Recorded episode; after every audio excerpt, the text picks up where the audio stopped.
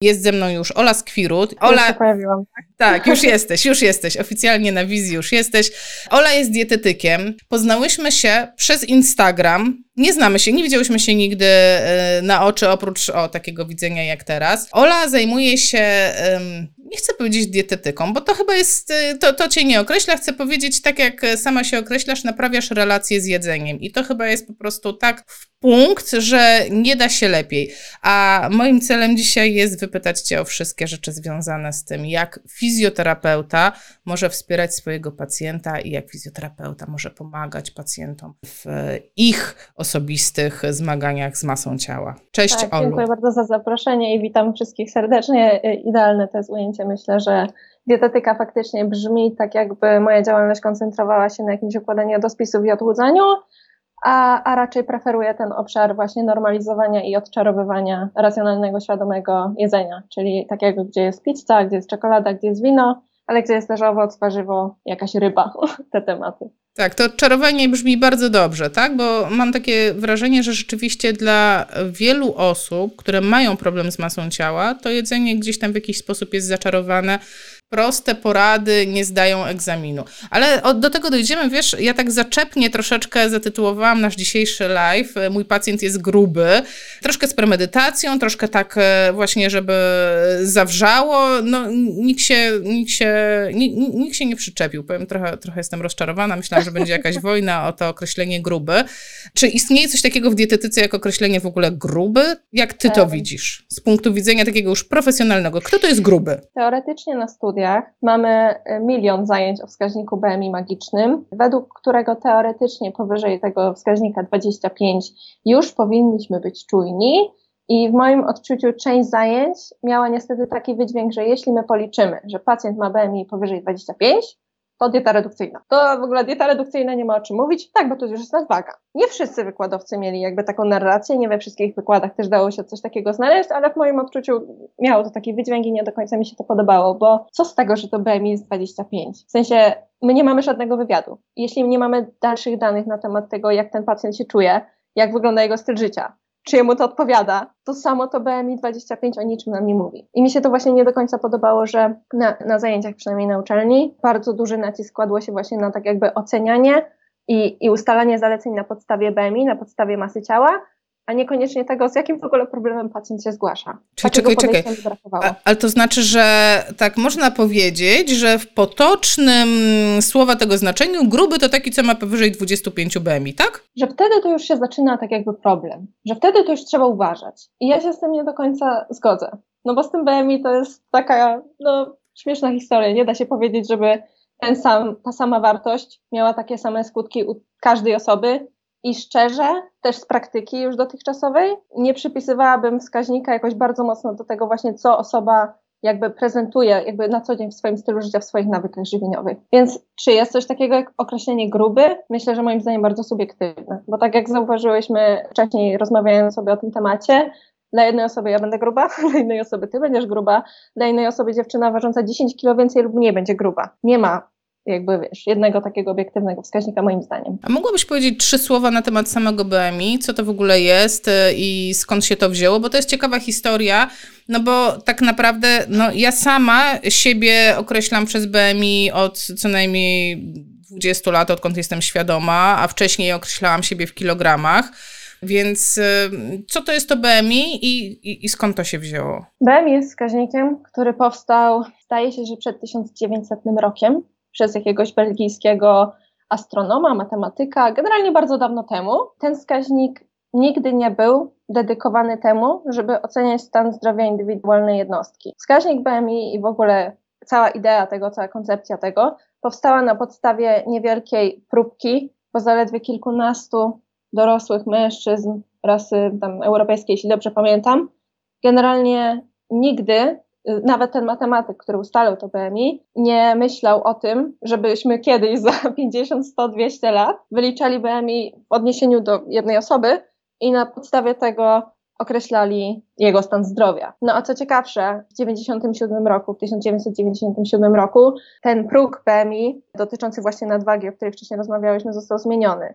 i on do tego 97 roku wynosił coś powyżej 27, a tego dnia 9 osób zadecydowało, że to jest teraz 25 i tyle. Tego. Czyli, czyli to było coś takiego, że jednego dnia poszedłeś spać i byłeś totalnie szczupły, tak. A drugiego dnia wstałeś i to BMI od dnia dzisiejszego to jednak nadwaga była powyżej 25 i wstałeś gruby. Tak, i powiem tak, no, podejrzewam, że coś musiało oczywiście leżeć u podstawy takiej, a nie innej decyzji. Niemniej BMI faktycznie mówi i jakby jest naprawdę fajnym wskaźnikiem, jakby mówi o wielu, nie wiem, konsekwencjach zdrowotnych, powiązaniach, jakby skutkach przyczynowo-skutkowych między takim BMI a ryzykiem rozwinięcia jakichś chorób, ale ta próbka osób musi być duża. To znaczy, jeśli bierzemy 100 tysięcy osób, miliony osób, okej, okay, BMI jest naprawdę przydatny. Jest bardzo łatwym wskaźnikiem. Bardzo, bardzo fajnie można wyciągać wnioski na temat. Przechodzi w sensie w odniesieniu do osoby, która przychodzi do naszego gabinetu i my liczymy BMI i na podstawie tego mamy chcieć czytać po prostu całą historię tego pacjenta, moim zdaniem nie do końca. No ale z drugiej strony też nie można pominąć tej kwestii, że no jednak e, nadmierna masa ciała jest skorelowana z problemami zdrowotnymi, nie wiem, chociażby z cukrzycą, no, z nowotworami, no z różnymi tak. konsekwencjami zdrowotnymi. I no, trzeba mieć w głowie to, to, to, to, to, ten taki, to takie zwiększone ryzyko, ale to, że ktoś jest, e, ktoś ma nadwagę, czy ktoś ma otyłość, zaraz cię zapytam, czym się różni jedno od drugiego i w konsekwencjach też zdrowotnych, to, no to nie jest jeden do jednego. Jak jestem otyła, to na pewno będę mieć nowotwór, a jak mam nadwagę, to na pewno, nie wiem, stoję po prostu u progu cukrzycy. Często właśnie się mówi o jakby powikłaniach zdrowotnych, skutkach zdrowotnych otyłości, których nie da się jakby zignorować. Nie można powiedzieć, że tak nie jest, no bo to jest ignorowanie faktów, jakby ignorowanie danych. I oczywiście, tak jak wspomniałaś, są liczne nowotwory powiązane bezpośrednio z otyłością, ale też co jest ciekawe, jak sobie dzisiaj szukałam różnych danych i, i chciałam się przygotować do, do tego naszego live'a, to bardzo często było tak, że artykuły jakby wiązały jedno i drugie czyli skutki tam nadwagi i otyłości. I bardzo trudno, w sensie tak początkowo przynajmniej, było trafić na coś, co by rozdzielało jedno od drugiego. No a tak jak sobie wspomniałyśmy, w 97 roku nagle z dnia na dzień ta nadwaga została przesunięta tu i tu. I to realnie może zrobić różnicę. To, co chciałam jeszcze dodać w tym kontekście, to jest właśnie to, że dużo się mówi o skutkach zdrowotnych nadwagi i otyłości. I tak jakby zapomina się i pomija się fakt tego, że osoby z niedowagą albo osoby z masą ciała w normie też mają te choroby i one niekoniecznie muszą być jakby, niekoniecznie muszą być powiązane z taką czy taką masą ciała, tylko z często nie do końca optymalnym powiedzmy stylem życia, szczególnie w kontekście jednej osoby. To, co jeszcze chciałam dodać, ale moment, uciekło mi to teraz, więc może zaraz do tego wrócę. W międzyczasie ja nawiążę coś takiego, dobra, z jednej strony no nie mamy tej gwarancji, że gruby to jest chory, ale z drugiej strony mamy diagnozę, otyłość, tak? Dlatego ja tak dopytuję o tą, o tą granicę nadwaga i otyłość, bo nadwaga nie jest chorobą, a otyłość już jest chorobą. Ma swój kod ICD-10 i jest chorobą, no, którą przynajmniej w teorii powinno się leczyć. Więc, tak, tak. więc stąd, stąd to moje pytanie, bo często spotykam się z takim, z takim podejściem, że o, on jest gruby, no to na pewno trzeba leczyć mu tą otyłość czy nadwagę, a potem to się zobaczy. Według mnie granica tak jakby między pacjentem, który ma nadwagę, a który ma otyłość, no okej, okay, przez BMI jest jakoś tam wyznaczona którymś punktem odcięcia, ale moim zdaniem w postępowaniu to się za bardzo nie różni, bo zarówno pacjenci z nadwagą, jak i z otyłością, oni znają te skutki zdrowotne. Oni są jakby dosko- oni mają doskonałą świadomość tego, z czego to wynika. Bardzo często ona jest czasami też trochę zniekształcona może różnymi przekonaniami na temat diet i treningów, w stylu to, że na przykład 15-minutowy spacer każdego dnia nie ma najmniejszego znaczenia, bo to spala tyle kalorii co nic, a doskonale wiemy, że jeśli coś będzie powtarzane każdego dnia, to ma znacznie lepszy efekt niż tygodniowy czy dwutygodniowy zryw, ale dążę do tego, że jakby różnicowanie tych dwóch grup pacjentów i tak jakby koncentrowanie się tylko na tych, których ten wskaźnik wynosi to 30 czy tam przekracza tą, tą otyłość. Czemu, czemu inaczej podchodzić do pacjentów z nadwagą? Kiedy przyczyny mogą być dokładnie te same. I ta nadwaga to jest powiedzmy taka szara sfera, między tą normalną masą ciała, cokolwiek co oznacza, a otyłością. I tak jeszcze z praktyki swojej, bo ja pracuję głównie z kobietami młodymi, w wieku 18 do 25-30 lat, które często mają takie przypadki, że u nich na przykład cykl menstruacyjny jest zupełnie rozregulowany, jest zupełnie rozwalony, kiedy ich BMI jest w normie, a uregulowuje się i tak naprawdę nie muszą walczyć ze sobą każdego dnia, żeby tę menstruację zachować, dopiero kiedy ich to BMI jest zazwyczaj w lekkiej nadwadze albo po prostu w nadwadze. I to jest dla mnie bardzo ciekawe. Jakby ich ciało ewidentnie tutaj pokazuje, że w tym BMI w normie, no coś nie gra. Wiesz, tak sobie myślę, e, że jednym z zadań fizjoterapeuty jest edukacja pacjentów. I bardzo często my tą edukację rozumiemy tak bardzo prostolinijnie, tak wprost. Proszę pani, jak pani ma nadwagę, to pani grozi zawał serca, cukrzyca, nowotwór, nie wiem co tam jeszcze, po prostu lista chorób się rozwija. Ale poruszyłaś ciekawą kwestię, znaczy taką w sumie może nieoczywistą, że przecież ci pacjenci to w sumie to wiedzą. Że no, nie wiem, czy w tych czasach jest ktoś, kto na przykład nie wie, że otyłość czy nadwaga może stanowić problem. Więc może takim pierwszym krokiem, który mógłby zrobić fizjoterapeuta, to jest e, właśnie zmiana sposobu edukacji z grożenia i ostrzegania na może informowanie, słuchaj, nadwaga jest w sumie bardzo podobna do otyłości, jesteś na tej drodze, Wiesz, dużo osób, nie wiem, cierpi na zaburzenia odżywiania, może, e, może w tym kierunku powinnaś poszukać, nie wiem, wiesz, wymyślam, fantaz fantazjuję, bo to zupełnie jest nie moja działka, ale to są takie realne problemy, bo ci pacjenci trafiają do nas. Tutaj Sylwia napisała, najlepsze jest to, jak pacjent waży 150 kg i pyta, kurczę, dlaczego mnie te kolana tak bolą? I no, no pewnie ta masa ciała jest jakąś częścią historii u tego pacjenta, ale tak naprawdę nie wiemy, ile on się rusza, ile on się nie rusza, czy jakby oprócz tego, że tak. ma tą masę, to nie wiemy nic, tak? tak. Więc mhm. tutaj troszeczkę więcej chyba potrzeba danych. W ogóle jak ty uważasz, tak jak trafia do nas pacjent, wiesz, jak ja pracowałam na, w poradni, to trafiali pacjenci na dwa albo na trzy tygodnie. To jest w ogóle możliwe, żebym ja w czasie dwóch, trzech tygodni była w stanie w jakikolwiek sposób pomóc temu pacjentowi tak realistycznie. Ja sobie tak myślę, że otyłość ogólnie do leczenia jako powiedzmy właśnie choroba, problem gdzieś tam jest tak złożonym i wieloczynnikowym tematem, że no w idealnym świecie przy problemie otyłości pracowałby dietetyk, najlepiej psychodietetyk, tak biorąc pod uwagę y, częste podłoże właśnie otyłości, psychoterapeuta, fizjoterapeuta, w idealnym, w ogóle jeszcze idealniejszym świecie jakiś trener personalny, generalnie, no wiesz, cały zespół specjalistów, gdzie każdy gdzieś tam coś swojego zaoferuje. No i oczywiście oni w porozumieniu ze sobą, żeby nie było tak, że zalecenia jednego, no wiadomo, wykluczają się z zaleceniem innego. Ale to, co realnie moim zdaniem można w ciągu tych dwóch czy trzech tygodni zrobić, no nie da się położyć całych podstaw żywienia. Bardzo często zresztą czy dobra, inaczej, poprawię się, bo nie wiem, czy bardzo często, ale może być tak, że pacjent w ogóle nie będzie chciał słuchać rad na temat żywienia, bo jest już tak zmęczony tematem, że nasza próba, nasze dobre intencje i nasza chęć jakby udzielenia mu wskazówek może się spotkać w ogóle z takim zamrożeniem i zamknięciem i z takim nie, ja nie chcę jej słuchać, no nie? Więc to, od czego ja bym w ogóle zaczęła udzielanie takich rad, będąc fizjoterapeutą, to jest zapytanie się w ogóle, czy pacjent chce o tym porozmawiać, tak po ludzku czy, czy chce Pan podjąć temat po prostu jakiegoś odżywiania, że ja też mam swoje problemy, może się wymienimy jakimiś fajnymi wskazówkami. I, i to jest coś, do czego właśnie chciałabym zmierzyć w ciągu całego tego live'a, czyli to, żeby pokazać swoją ludzką stronę, pokazać, że my też jesteśmy ludźmi, którzy mierzą się z jakimiś swoimi problemami.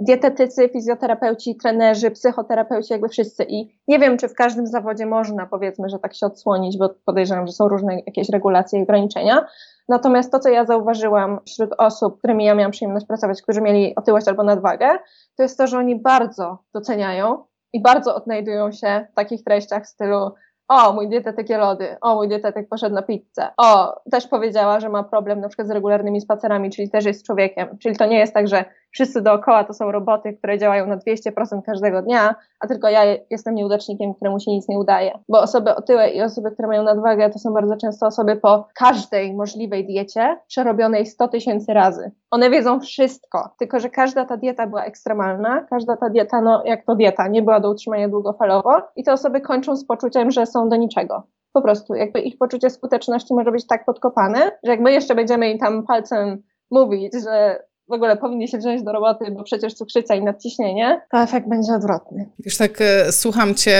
um, oczarowana, bo od dietetyka spodziewałabym się słów nie ma tutaj co kombinować, nadwaga to nadwaga, bilans y, kaloryczny to bilans kaloryczny, spalasz tyle, masz jeść mniej, koniec kropka, 1700 kalorii, czy tam nie wiem, 1500 kalorii, ułożę ci jadłospis i jedz. A to, co mi powiedziałaś, miało taki wymiar, e, już powiedziałabym, psychologiczny.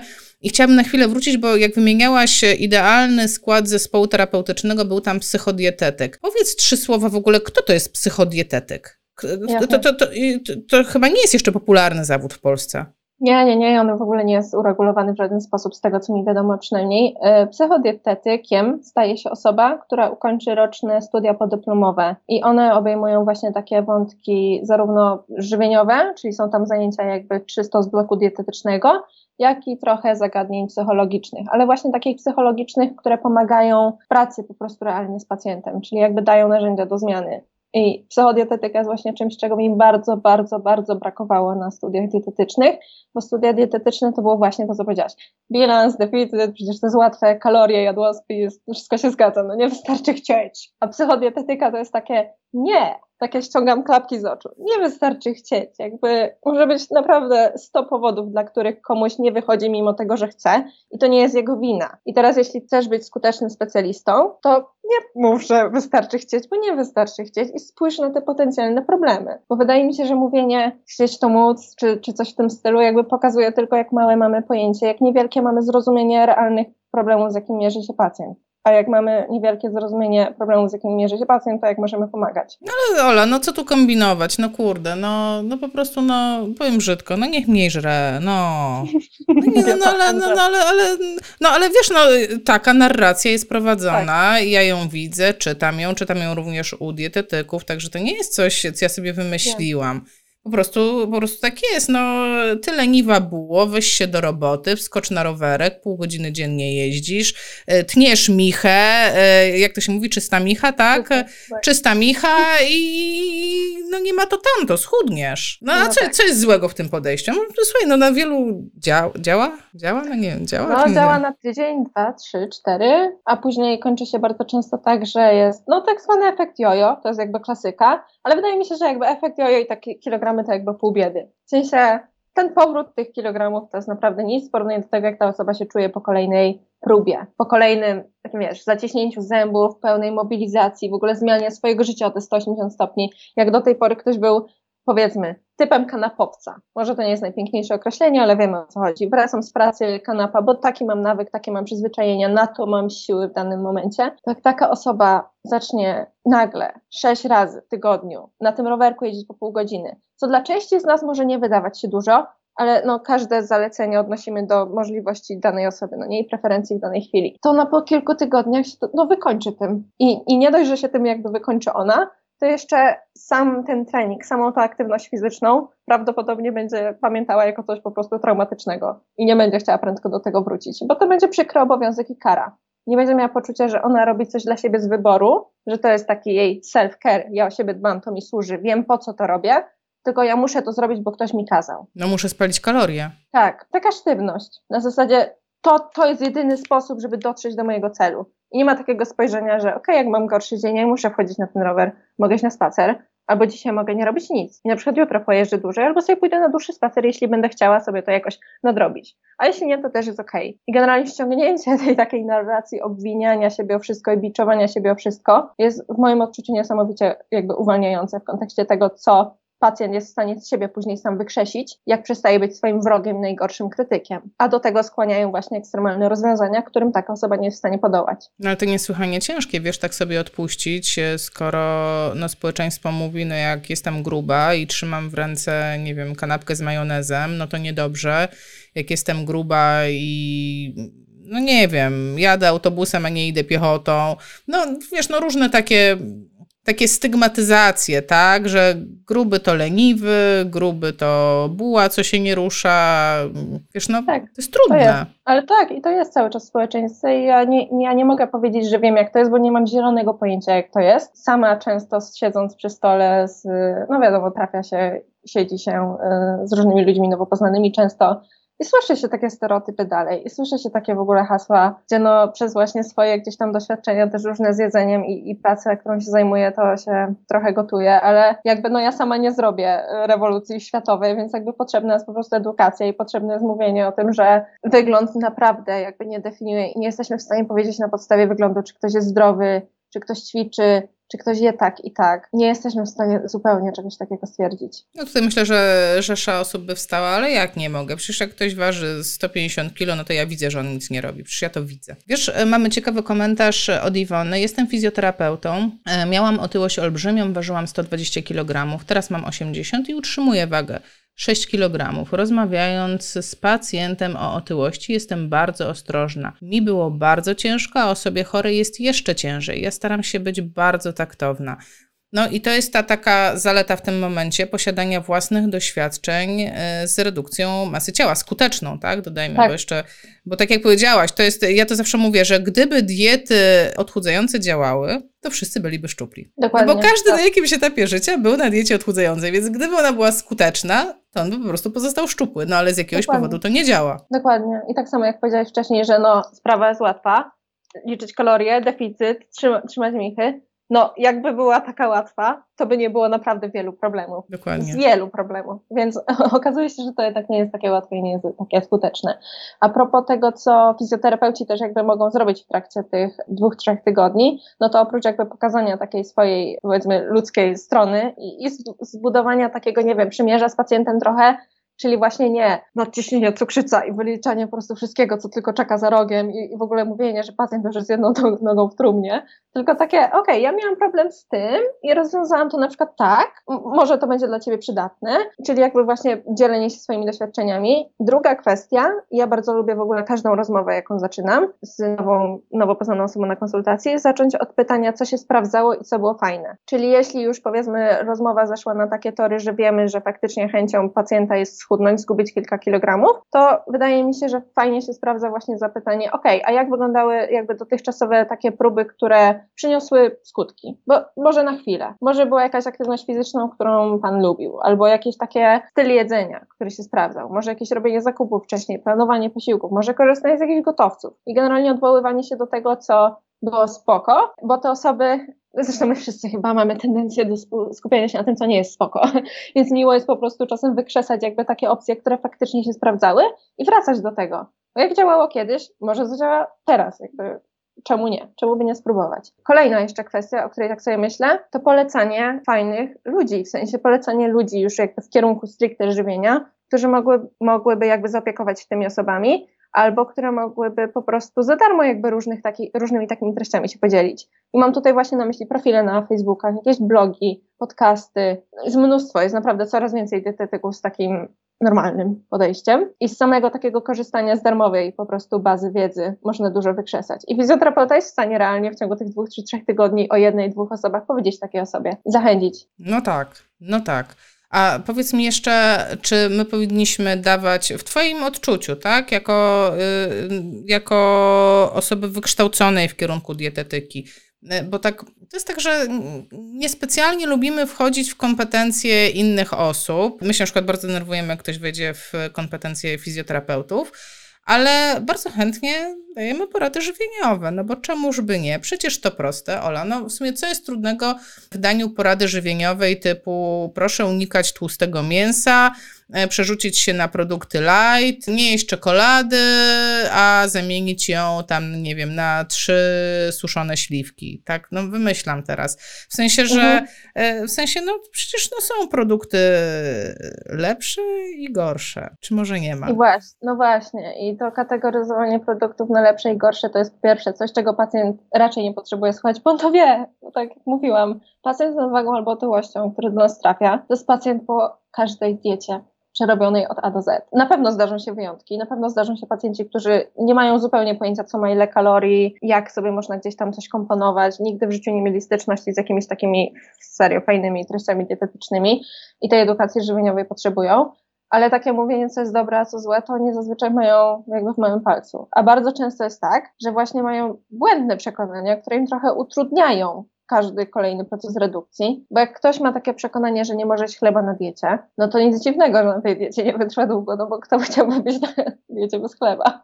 Albo, że, że pierogi to jest w ogóle coś zakazanego, no nie? albo właśnie czekolada, albo lody. I faktycznie wtedy edukacja na zasadzie, hej, wiesz, możesz zjeść sobie te pierogi w piątek na obiad, czy kiedy tam chcesz, albo lody też możesz. Tylko jakby na przykład jest różnica między dwoma gałkami, a całym opakowaniem. Plus te dwie gałki lodów to absolutnie nie jest nic straconego. I jeśli tobie będzie łatwiej na samym początku jeść te dwie gałki lodów codziennie, żeby właśnie nie kończyć na całym pudełku lodów i późniejszym takim poczuciu przejedzenia i takiego niefajnego stanu, to jedz sobie te lody codziennie, bo prawdopodobnie po dwóch, trzech tygodniach te lody nie będą jakimś takim właśnie zakazanym owocem, tylko zobaczysz, że faktycznie jakby możesz je jeść i jak masz je fajnie wliczone w bilans, to chudniesz nawet. Tak, dzieląc się własnym doświadczeniem, w ten sposób odczarowałam pierogi z serem, na co bym sobie nigdy w życiu nie pozwoliła, gdybym nie oglądała Twojego profilu i nie wiedziała, że to jest jedyna słuszna droga do sukcesu. Nie to, że nażreć się ich raz, bo to właśnie nie, tylko dać sobie pozwolenie, ok, jeżeli mam ochotę na dwa posiłki dziennie jeść pierogi, to będę je jeść bez poczucia winy. I to jest trudne, wydaje mi się, I to może być, to może być zaskakujące i takie, no to może być wyzwaniem też i dla pacjentów, i dla e, terapeutów, którzy udzielą takiej porady. Zjedz bez wyrzutów sumienia. Tak, tylko no to też nie jest takie łatwe, no nie? Jakby, to znaczy jak ja mam zjeść bez wyrzutów sumienia, jak ja zaczynam jeść i te wyrzuty sumienia zaczynają się pojawiać automatycznie, no nie? Tak. I, I wtedy dlatego wspomniałam właśnie o, o psychodietetyku w takim idealnym zespole, bo jakby psychodietetyk faktycznie daje później narzędzia, tłumaczy, no nie? Fizjoterapeuci czy dietetycy też powiedzmy bez tego kierunkowego bardziej wykształcenia, nie dość, że nie mają czasu na to, no fizjoterapeuci w trakcie tego turnusu, o czym wspomniałaś, dwa, trzy tygodnie, nie wiem ile to jest wizyt, ale no macie też jakby swoją działkę, tą bardziej właśnie skupioną na, na fizjoterapeutycznych rzeczach, że tak to ujmę. Tam nie ma czasu na tłumaczenie przekonań, zniekształceń poznawczych. A wiesz, a tu cię zaskoczę, bo jeżeli pracujemy indywidualnie z pacjentem, to często jest tak, że mamy z nim jakąś jednostkę czasu. Na przykład w moim wypadku to było pół godziny ja te pół godziny miałam dla tego jednego pacjenta, więc my byliśmy w stanie omówić wszelkie meandry jego życia i to te spotkania były codziennie, załóżmy przez trzy tygodnie, to jest 15 razy po pół godziny to jest Super. kupa gadania. Tylko wiesz, ja mam taki zawsze respekt, y, żeby nie wejść w kompetencje, których nie mam, bo jak nie daj Boże, rozgrzebiesz coś, y, y, głównie z dziedziny chyba psychologii, coś, z czego nie udźwigniesz, tak? Nie będziesz w stanie pomóc realnie temu pacjentowi, czy w jakiś sposób zaopiekować się nim i on, nie wiem, wyjdzie rozdrgany od ciebie, rozstrojony, no to to też nie jest droga. Więc dlatego tak podpytuję o takie takie życiowe porady, co można, jak można sobie konkretnie poradzić, e, e, żeby rzeczywiście go wesprzeć, ale nie napsuć, tak? I żeby nie wchodzić jednak w buty psychodietetyków. To wydaje mi się, że właśnie to, co wspomniałam, skupić się na tym, co kiedyś mogło działać, co ten pacjent lubił robić, no bo też jak uprościmy e, kwestie redukcji czy jakichś porad żywieniowych do takiej, wiesz... Mniej cukru, panie, mniej cukru. Tak, tak, w sensie wiesz, mniej żreć, tak jak powiedziałaś, dieta MZ i więcej się ruszać. Ale można często w trakcie rozmowy też wyłapać takie różne przekonania pacjenta na temat właśnie na przykład tego, że on musi być głodny, żeby chudł. Bo to jest częste przekonanie, przynajmniej ja się z nim bardzo często spotykam, że jak jestem na redukcji, to ja przecież muszę chodzić głodna, bo tylko wtedy wiem, że chudnę. A, a prawda jest taka, że ktoś może chodzić głodny na redukcji i może być w nadwyżce kalorycznej, bo ma te posiłki nieumiejętnie skomponowane i w drugą stronę może być najedzony, szczególnie na początku redukcji przez cały czas i gubić kilogramy sukcesywnie. I czasem w trakcie rozmowy da się takie rzeczy wyłapać i wydaje mi się, że też wtedy przed jakimś takim pouczeniem czy wyjaśnieniem tego, fajnie jest podzielić się tym, w co my kiedyś wierzyliśmy. Żeby to nie miało takiego wydźwięku, że o, jak, jak pan może w to wierzyć, przecież to jest taka w ogóle głupota, jak pan może nie wiedzieć, że tak nie jest. Tylko na zasadzie, o, ja kiedyś wierzyłam w coś tam, bo wszyscy w coś tam kiedyś wierzyliśmy, zazwyczaj tak. da się coś takiego wyłapać. Więc znowu takie, okej, okay, ja też tak miałam. Ja też jestem w stanie gdzieś tam się w tym wszystkim odnaleźć. A, czekaj, czekaj, bo tutaj jest fajne pytanie od Kamila. A co jeśli pacjent nie zdaje sobie sprawy, jak duży ma problem z nadwagą, nie dopuszcza takiej informacji do wiadomości i usprawiedliwia swoją nadwagę, na przykład wiekiem, chorą tarczycą? I powiem Ci, że to jest bardzo częste. Na fizjoterapii to jest tak. naprawdę częste. O, proszę Pani, ja mam bardzo chorą tarczycę i dlatego jestem taka gruba. E, jeszcze taką, coś, co mnie się często zdarzało na neurologii pracując, pacjenci po sterydach. I rzeczywiście, no jak przyjmujesz sterydy, no to jest ta, mhm. ta skłonność, no e, nawet jest ten taki zespół, tak, e, posterydowy, że te osoby są takie mm, spuchnięte, nalane, rzeczywiście, rzeczywiście no po prostu mają problem z masą ciała.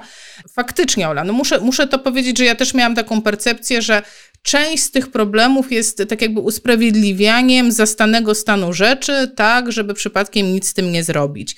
Mhm. Tak jak dzisiaj na to patrzę, nie wiem ile w tym jest prawdy, bo to było moje przekonanie. Bo to jest hit, zobacz, teraz ja rozpoznaję swoje przekonanie, to jest to, co ja myślę, nie mam pojęcia, jaka jest prawda u tego pacjenta. Ja też, też mam bardzo często właśnie styczność z tą tarczycą nieszczęsną, no nie, że jakby jak mam chorą tarczycę, to tam wszystko jest w ogóle masakra, a bardzo często jest tak, że ta tarczyca jest w ogóle leczona, w sensie niedoczynność, tam jest wszystko zażywane tak jak trzeba. Pacjentka wie też w jakim odstępie czasowym unikać jakichś tam produktów, żeby zaburzenie się. Więc generalnie ta tarczyca zasadniczo pracuje jak należy, bo jest leczona i nie ma tam podstaw do zwalania rzeczy na, na tą biedną, nieszczęsną tarczycę. Więc ja wtedy często się odwołuję do tego, czy byłaby otwarta na spróbowanie po prostu czegoś takiego, no żeby powiedzmy sobie przez jakiś czas pozapisywać to, co je i to wspólnie omówić. Nie wszyscy pacjenci są na to chętni i, i wiele pacjentów ma beznadziejne i traumatyczne wspomnienia z dzienniczkami, bo trafili do dietetyków, gdzie byli po prostu rozliczani z góry, no jak w wojsku, w sensie masakra, więc warto też wtedy zapytać, czy jest ktoś właśnie otwarty na taką opcję. Ale dwa, pokazanie korzyści jakby tego, że no okej, okay, to może spróbujemy na przykład podejść inaczej teraz i, i spróbować czegoś innego,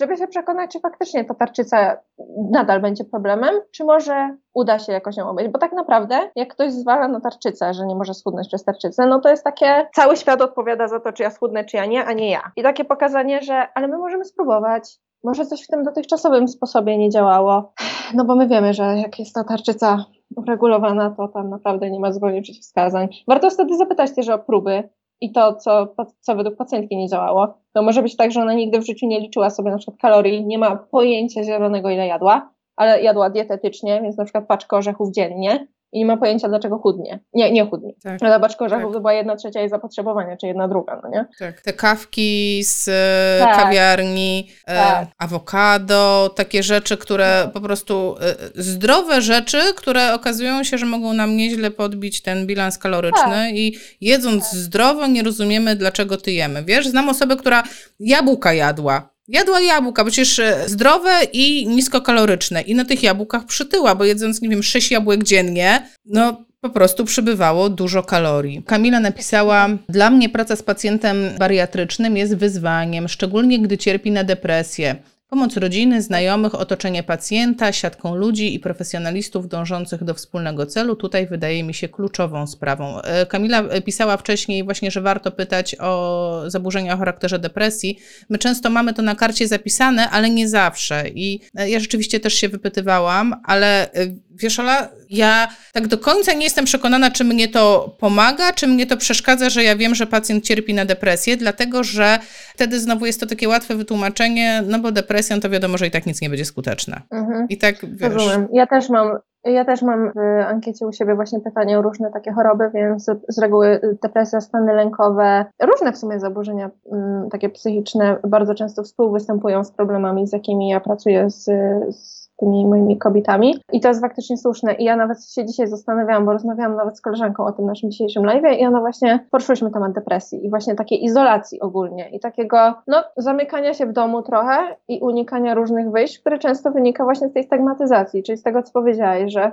osoba otyła jedząca, nie wiem, kanapkę z majonezem czy jakiegoś smażonego kurczaka w miejscu publicznym, to nie jest to samo doświadczenie, co osoba z BMI w normie jedząca to samo w miejscu publicznym na tak. tą osobę, w sensie ta osoba może się spodziewać innych spojrzeń, no nie? I jakby szczerze jestem w stanie zrozumieć po części izolowanie się w takiej sytuacji, bo ja nie mam pojęcia, jakbym się czuła i nie chcę sobie nawet tego wyobrażać, bo to musiałoby być okropne. I, i ja się nawet tak dzisiaj zastanawiam właśnie, co jest pierwsze, bo czasami jest tak, że to depresja prowadzi później do rozwoju otyłości, ale podejrzewam, że to nie jest też rzadkie, żeby otyłość była tak jakby zalążkiem i początkiem do rozwinięcia depresji później. Tak, i teraz aż, jest...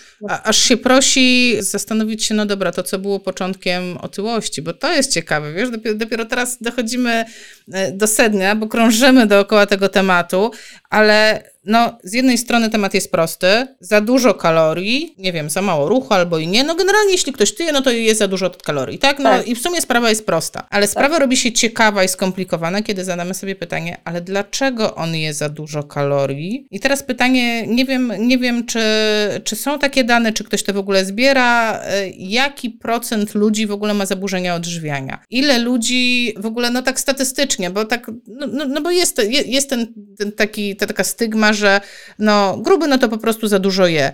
A ja sobie zadaję pytanie, a ile z tych osób ma naprawdę niepoukładane relacje z jedzeniem? Ile z nich ma problem, że to jedzenie to jest coś więcej niż jedzenie, tak? Ja pamiętam, że tak. marzyłam kiedyś, naprawdę marzyłam przez wiele lat. Ja pierwszy raz na diecie byłam, e, jak miałam 11 lat, e, co łatwo policzyć, skoro powiedziałam, że 43 kończę e, niedługo. Ile to jest lat? I przez te wszystkie lata, od 11 roku życia, dłużej albo krócej cały czas byłam na jakichś dietach i suma summarum to jedzenie to już przestało być tylko jedzenie. Ja marzyłam o tym, żeby to jedzenie było tylko jedzeniem, czyli najem się i nie jestem głodna, załóżmy na tam cztery przepisowe godziny. Ja nie mogłam zrozumieć, jak ktoś może się najeść i być i być najedzonym. W ogóle to było dla mnie niepojęte.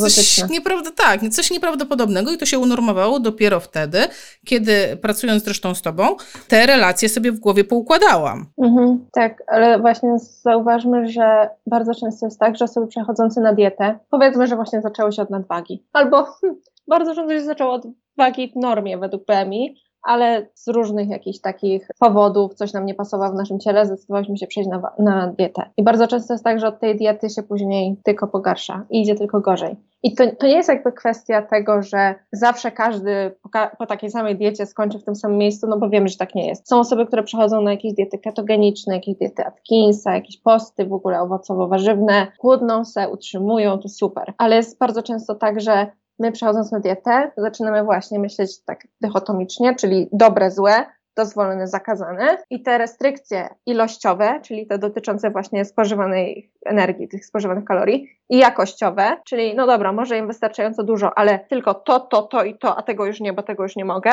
no powodują, że nasze takie zaabsorbowanie jedzeniem rośnie. I okazuje się, że te lody przed dietą już nie są te same lody. W sensie teraz to są lody i one są teraz takie super i one teraz wydają się rozwiązywać każdy problem. Więc my często jemy ich już za dużo, no nie? No bo wzięłyśmy pierwszą łyżeczkę, a przecież lody były zakazane, więc teraz zjemy już ich tyle, ile jest, bo od jutra się znowu zacznie niejedzenie lodów, no nie? I, I, od tego się bardzo często zaczyna proces tycia w ogóle. I on jest początkowo taki niewinny i wydawać by się mogło, że przecież miałyśmy schudnąć. Okej, okay, schudłyśmy 3 kilo, przytyłyśmy 7. Schudłyśmy kolejne 4, przytyłyśmy kolejne 5. I jest takie, wiesz, przesuwanie tej skali, no nie?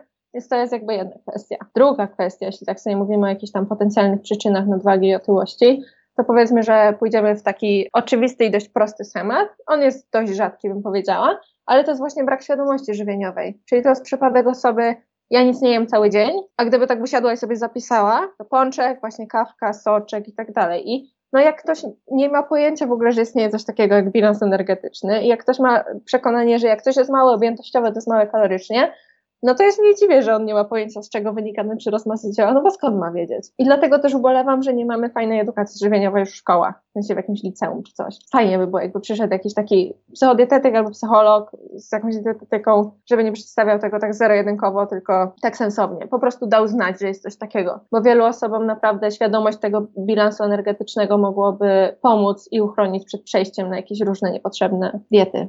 Tak, w szkołach chyba. Tego, tego tego. W szkołach chyba są tylko te takie tablice pokazujące, ile cukru jest w jakim napoju. No ale to znowu jest stygmatyzacja cukru. Tak, no ale no tak jest, tak? Tak jest. Tak jest, no. Paulina pyta, e, Olu, jaką książkę polecisz o tematyce psychodietetyki napisaną przystępnym języku? Bo u każdego brykającego się człowieka z problemami żywieniowymi to jest chyba najlepsza droga, zanim nastąpi kolejna dieta. Kamila poleciła bez liczenia i ważenia. Też mam ją, też mam bez liczenia e, i ważenia. Tak, doktor Lifestyle. Tak. Nie czytałam jej, więc ja nie wiem, czy to jest jakby taka psychodietetyczna bardziej pozycja, czy po prostu jakby taka, że dietetyczna, ale taka na luzie. Hmm, powiedziałabym e, pół na pół. Tak? Są takie żelazne podstawy z EBM mhm. dotyczące nadwagi i otyłości i ta część taka psychodietetyczna, e, no, normalizująca jedzenie, tak, żeby się tym nie stresować. Takich psychodietetycznych stricte, e, w sensie bardziej, o może tak, to Pożegnaj Wagę. Pożegnaj Wagę. E, książka Pożegnaj Wagę, tak. Ja w ogóle mogę Ci później po tym live podesłać spis książek, które uważam za jakby wartościowe w tym temacie, ale Pożegnaj Wagę jest w ogóle taka, że moim zdaniem każda po prostu kobieta, no bo nie, że tylko my jesteśmy narażone na tą presję odchudzania, ale umówmy się, to są głównie kobiety, to ta Pożegnaj Wagę to jest książka, którą moim zdaniem każda kobieta powinna przeczytać. W sensie ona jest taka, że ona Cię przytula, ta książka. Ona jest taka swoja, taka czujesz się lepiej po przeczytaniu jej. A nie po każdej książce tak jest. Tak. Mój, mój partner zachwyca się taką książką Akta ale nie wiem, czy to jest, czy to jest, e, to też jest o jakiejś takiej metodzie, no, że wszystko masz w głowie, tak? Ale trudno mi powiedzieć, mm. czy to jest psychodietetyki, bo ja tego nie czytałam. Kamila pyta, czy spotykacie się z niedowagą, szczególnie u osób starszych? Jakie podejście jest, jeśli chodzi o wkład fizjoterapeuty i przypisanie ćwiczeń? To za dużo dla osoby oba, o małym BMI. A ja bym rozszerzyła to pytanie, tak? Bo ja bym chciała dążyć też do tego, jaki my, fizjoterapeuci, możemy mieć wkład e, w pomoc tej osoby. Więc ten taki wspierający dialog, to pytanie się, czego ty w ogóle chcesz, zanim podejdę, podejmę w ogóle ten temat z tobą, no to to jest jedna, to jest taka otoczka, tak, niejako przy okazji. No ale z drugiej strony ja sobie wyobrażam tak, że e, jeżeli już mówimy komuś, jakby gdzieś tam z tyłu głowy mamy to, no, że fajnie by było rzeczywiście, żeby on zwiększył swoją aktywność fizyczną, no to moja rola będzie w tym, żeby ją dobrać tak, żeby, no tak jak wcześniej ktoś pisał, 150 kg i bolą kolana. No to moja głowa w tym, żeby dobrać mu tak aktywność, żeby go nie bolały kolana, a żeby się ruszał, tak? E, I zawsze będzie to jakiś kroczek do przodu. Jak ty to w ogóle widzisz? To z tymi kolanami właśnie to jest jedna rzecz też, o której chciałam wspomnieć, a propos fizjoterapeutów i jakby udzielę fizjoterapeutów gdzieś na wspomaganiu, bo ja cały czas obserwuję gdzieś w swoim otoczeniu osoby po prostu z nadwagą czy otyłe, jakby nie wiem, po prostu większe, które biegają i biegają, w, mają wady postawy, biegają. Ja się na tym nie znam, ale no widzę kolana gdzieś schodzące do środka, stopy nie do końca postawione jakoś tak stabilnie powiedzmy. I tak sobie na to patrzę i się zastanawiam, bo te osoby na pewno robią to z takim przekonaniem, że jakby to jest słuszne, to co robią dla siebie, chcą sobie pomóc. A ja się tak zastanawiam, czy to jest kwestia czasu, że na przykład sobie coś nadwyrężą, czy że coś tam im po prostu, wiesz, każdemu może, oczywiście, ale tak sobie myślę, że bieganie y, przy takim większych po prostu rozmiarach może nie być najlepszym problemem i taka osoba może nawet nie wiedzieć, że przez kilka swoich takich sesji treningowych zostanie później unieruchomiona na kilka miesięcy. I znam przypadki trzech takich osób nawet. I okropne uczucie na pewno, dowiedzieć się, że tak jakby po raz kolejny spróbowałam i jestem na pół roku unieruchomiona. Tak, przez to, jest... to, że nie wiedziałam po prostu, że nie mogę, albo nie wiedziałam, jak mogę to zrobić lepiej. Tak, wiesz jak ja to rozwiązuję? Mam, mam swój autorski program e, YouTube e, Choose Your Sport. Jak ktoś nie wie, co ma robić e, kompletnie, bo masę osób w ogóle, w ogóle nie jest zainteresowanych aktywnością fizyczną, ale tak w ogóle, bo ja się pytam, a co w ogóle cię kręci? Nic. I wiesz, i to jest szczera odpowiedź, ja to doceniam, że nic, nie mam ochoty na aktywność fizyczną, lubię leżeć, oglądać seriale, no i wiesz, no, no trzeba to przełknąć, tak? Trzeba jakieś porady udzielić tej osobie. Ja wtedy tak sobie wymyśliłam, że e, fajną opcją będzie, to weź ty sobie włącz YouTube albo nie wiem, TikToka, no co, co tam, e, w którym medium się czujesz i skroluj dotąd, aż znajdziesz jakąś formę aktywności, która tak cię ukuje w serduszku i tak Wow, wiesz, ja mam, takie, ja mam takie założenie, że nie da się zagrać na strunie, która nie istnieje, więc jak komuś zagrało, jak to zobaczył, okej, okay, dobra, mamy to, tak. niech to będzie cokolwiek, ale to już tak. ja cię na to nakieruję, ale zacznij. Tak, a to jest genialne. To jest genialne to, co powiedziałaś. I w ogóle jeszcze jedna książka, którą chciałam powie powiedzieć ogólnie właśnie w kontekście pracy z pacjentem, to jest motywacja, metoda sześciu kroków, o wzbudzaniu w pacjencie motywacji i to się oczywiście trochę zazębia właśnie z tym, co mówisz, czyli o tym, jak pacjenta, nawet najbardziej niezmotywowanego, możemy spróbować zachęcić do, do tej motywacji. I generalnie meritum tej książki sprowadza się do tego, że autentyczna motywacja nie wychodzi od ja muszę, tylko od ja chcę. I to, co powiedziałeś, jest fantastyczne, bo pacjent tak jakby sam sobie wybiera. I co jest najlepsze, on w momencie, kiedy nie jest gotowy na podjęcie się tej aktywności, on się jej w ogóle nie podejmuje, tylko szuka. Jest, fa fantastyczne to jest. Z kobietami, z którymi współpracuję, które gdzieś tam mają taką iskierkę, że poszłyby na trening, bo je po prostu bolą te kolana, plecy od siedzenia przy komputerze, ale jeszcze nie jesteśmy w tym miejscu, żeby faktycznie wyjść i tam pójść, no to sobie nie ustalamy, żeby wyjść i tam pójść, bo po co kopać swoje poczucie skuteczności, jak tego prawdopodobnie nie zrobimy, to sobie ustalamy, przygotuję sobie ciuchy, położę sobie w takim miejscu, żeby były widoczne, będę przechodziła koło nich rano, przez tydzień sobie te ciuchy i te buty będą tam leżeć. I torba będzie spakowana. I jak się któregoś dnia poczuję, to pójdę, a jak nie, to nie. Połowa osób zazwyczaj albo wychodzi na ten trening z tymi ciuchami, albo wychodzi na spacer, bo sobie po prostu pamięta, że o, okej, okay, rozważam coś takiego. Wow. Położenie e, ciarki ubrań. mam. Normalnie ciarki Dwie mam. minuty, no, Wiesz, działa. To z cyklu takich po prostu porad od psychodietetyka, bo to wszystko jest tak naprawdę w głowie. Zobacz, my nie mówimy tutaj o kaloriach, my mówimy o tym, co jest w głowie. Taka porada, którą e, wysłuchałam w którymś z podcastów Magdy, Wiem co jem, ona mówi, jak sobie radzić z takim napadem, że muszę zjeść słodkie. I ona mówi, okej, okay, dajesz sobie pozwolenie, że to słodkie jesz, ale odwlekasz to chwilę w czasie. I, to, I ta chwila to może być przejście dookoła pokoju. Więc nie ma tak. czegoś takiego, że nie, nie mogę, nie zjem tego. No, nie, zjedz, tylko odwlecz w czasie. No i tam jest y, szereg innych, y, szereg innych porad, co mogę zrobić, żeby najeść się jednym batonem i żeby jak go celebrować, jak tak, to tak, będzie. Tak. W ogóle polecam tak. wszystkim, w ogóle polecam treści z psychodietetyki, bo to jest fascynujące y, dla nas, tak? Może inaczej, dla mnie, tak? Jak, jakieś tam swoje problemy miałam, to dla mnie to było fascynujące, jak można się najeść jednym batonem. W ogóle. Tak, tak. Ale że serio? Wow, tak, że, że to może wystarczyć jakby. I tak, i to właśnie co, co powiedziałaś jest, jakby sprowadza się do meritum, czyli nie, że ja nie mogę, mi nie wolno, nie, nie, nie, nie rób tego, bo to sprawia, że my cały czas o czymś myślimy, że cały czas się frustrujemy i że rośnie w nas napięcie. I tak jak początkowo ten powiedzmy napad, czy w ogóle jakiś epizod obiadania się mógłby się skończyć na czterech batonach, tak jest szansa, że w momencie, kiedy my sobie jeszcze dodatkowo zaczynamy mówić nie, nie możesz tego, nie, nie możesz tego, to będzie osiem batonów, nie cztery. Tak. I, I to jest danie sobie wyboru. I to jest pokazanie sobie, że okej, okay, ty masz nad tym kontrolę. Możesz zjeść, jeśli chcesz zjeść, tylko dokładnie. Zrób coś w tym czasie. Dwie minuty. Daj sobie dwie minuty. I za dwie minuty podejmiesz decyzję podobnie. Dokładnie. Dokładnie. Martyna fajnie napisała. Na zaburzenia odżywiania pracujemy już od dzieciaka i nie mówię tu o dobrych nawykach żywieniowych, a zróżnicowanej diecie, a, ale o tekstach rodziców, dziadków typu tak. nie odejdziesz od stołu, tak. dopóki nie zjesz tego, albo ja dodam od siebie za gruby jesteś, a dzieci mają taki, wiesz, już ja patrzę po swoim dziecku, że to są takie, to jest taka sinusoida, że dziecko jest e, czasem bardziej pulpecikiem, a bardziej, a za chwilę się wyciąga, a potem znowu ty, a potem znowu się wyciąga i znowu ty i znowu się wyciąga. Po prostu tak, e, tak jakoś to u nich idzie. I jeżeli, zwłaszcza dziewczynką, tak, jeżeli tak traumatyzujemy je od początku, to chyba nie, nie będzie miało dobrego zakończenia, tak sobie myślę. Ale to jest znowu temat chyba na rozmowę na kolejną godzinę, żeby tylko e, pomówić tak. o tym, jak można zaszkodzić dzieciom w dobrej wierze. Tak, ale to jest bardzo ważny wątek właśnie, który, który podjęła Magda? Martyna. Martyna, Martyna, bo jak najbardziej od dzieciaka i tak jakby, nawet nie, że no my pracujemy, wiadomo, bo to nie jest nasza wina, my jako dzieci jesteśmy niewinne, ale komunikaty też, którymi się otaczamy, to raz, y, o, o, dotyczące właśnie jedzenia, czy aktywności, czy naszego ciała, to oczywiście. Jakaś, jakiś nieproszony komentarz od wujka przy świętach, ostatnie, okej, okay, ostatnie, czego każda z nas chce, no ale życie.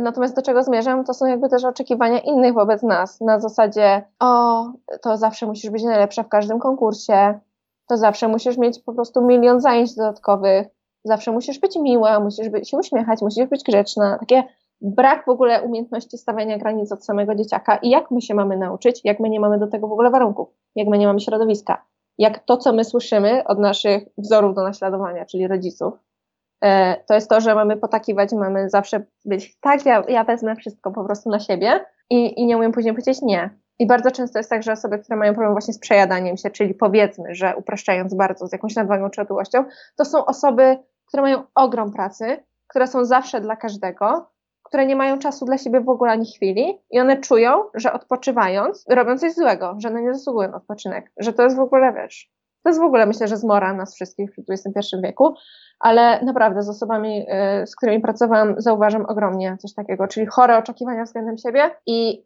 ciągle rozładowywane baterie. Milion rzeczy do zrobienia i, i brak w ogóle czasu na jakieś takie, wiesz, odnowienie tego. I płynnie zeszliśmy w życie przeciętnego fizjoterapeuty. I myślę, że to będzie taka dobra konkluzja, żeby zacząć od siebie. Magda napisała fajne porady, chyba poćwiczę dziś na macie. A ja wam powiem tak, e, jeżeli chcecie więcej takich treści, to polecam śledzić Ole. Bardzo łatwo Ole znaleźć na Instagramie. Ola Skwirut, e, po prostu tak się nazywa konto. Polecam wam. E, ja Ole śledzę regularnie, ale też polecę wam podcasty Oli. Też trzeba wpisać Ola Skwirut podcast i znajdziecie tam e, mnóstwo odcinków na różne tematy, na różne. My akurat dzisiaj się skupiłyśmy na mm, otyłości, na nadwadze, na tym, jak wspierać osoby, ale ten temat jest dużo, dużo szerszy. Ole, ja Tobie bardzo dziękuję za to, że zgodziłaś Dziękuję się również. pogadać e, ze mną no, o tym trudnym temacie. I mam nadzieję, że te osoby, które oglądały, że też uznacie, że naprawdę mamy tę moc sprawczą i czasami, jeżeli rozpoczniemy ten pozytywny dialog z pacjentem, właśnie ten pozytywny, wspierający, to być może będziemy pierwszą osobą w jego życiu, która realnie pomoże mu coś zmienić. Więc Dokładnie. moc jest ogromna, ogromna. Bardzo Ci dziękuję. I jeszcze takie podsumowujące ostatnie pytanie, gdybyś miała poradzić jedną rzecz komuś, kto jutro pójdzie do pracy i ma tych swoich e, pacjentów z nadwagą, z otyłością, e, co może zmienić już jutro, e, to co by to było? Mm, jedną rzecz. To będzie taka jakby bardzo ogólna wskazówka, ale właśnie nie komunikować pacjentowi, że jest niewystarczająco dobry i że się niewystarczająco stara i absolutnie nie mówić, że chcieć to móc, bo to tak nie jest. I jakby mówiąc tak, my tworzymy w sobie trochę, może nie, że wroga, ale kogoś nie do końca pozytywnie nastawionego do współpracy, to nie owocuje niczym. W sensie, jeśli realnie chcemy pomagać, to zacznijmy słuchać bardziej. I jakby wychodzić od tego, od po, potrzeb właśnie pacjenta, czyli tak jak ty powiedziałaś wcześniej, czym mogę pomóc, jakby z czym ty przychodzisz, jaki ty masz problem, no nie, jak ja, jak ja mogę go rozwiązać, a nie zakładać, że jesteśmy alfami i omegami, bo to czasami po prostu nie jesteśmy. Dokładnie. Ola, bardzo, bardzo dziękuję. Zapraszam Was na media do Oli, a my widzimy się za tydzień. Dzięki wielkie. Cześć. Dziękuję ślicznie, papa. Pa.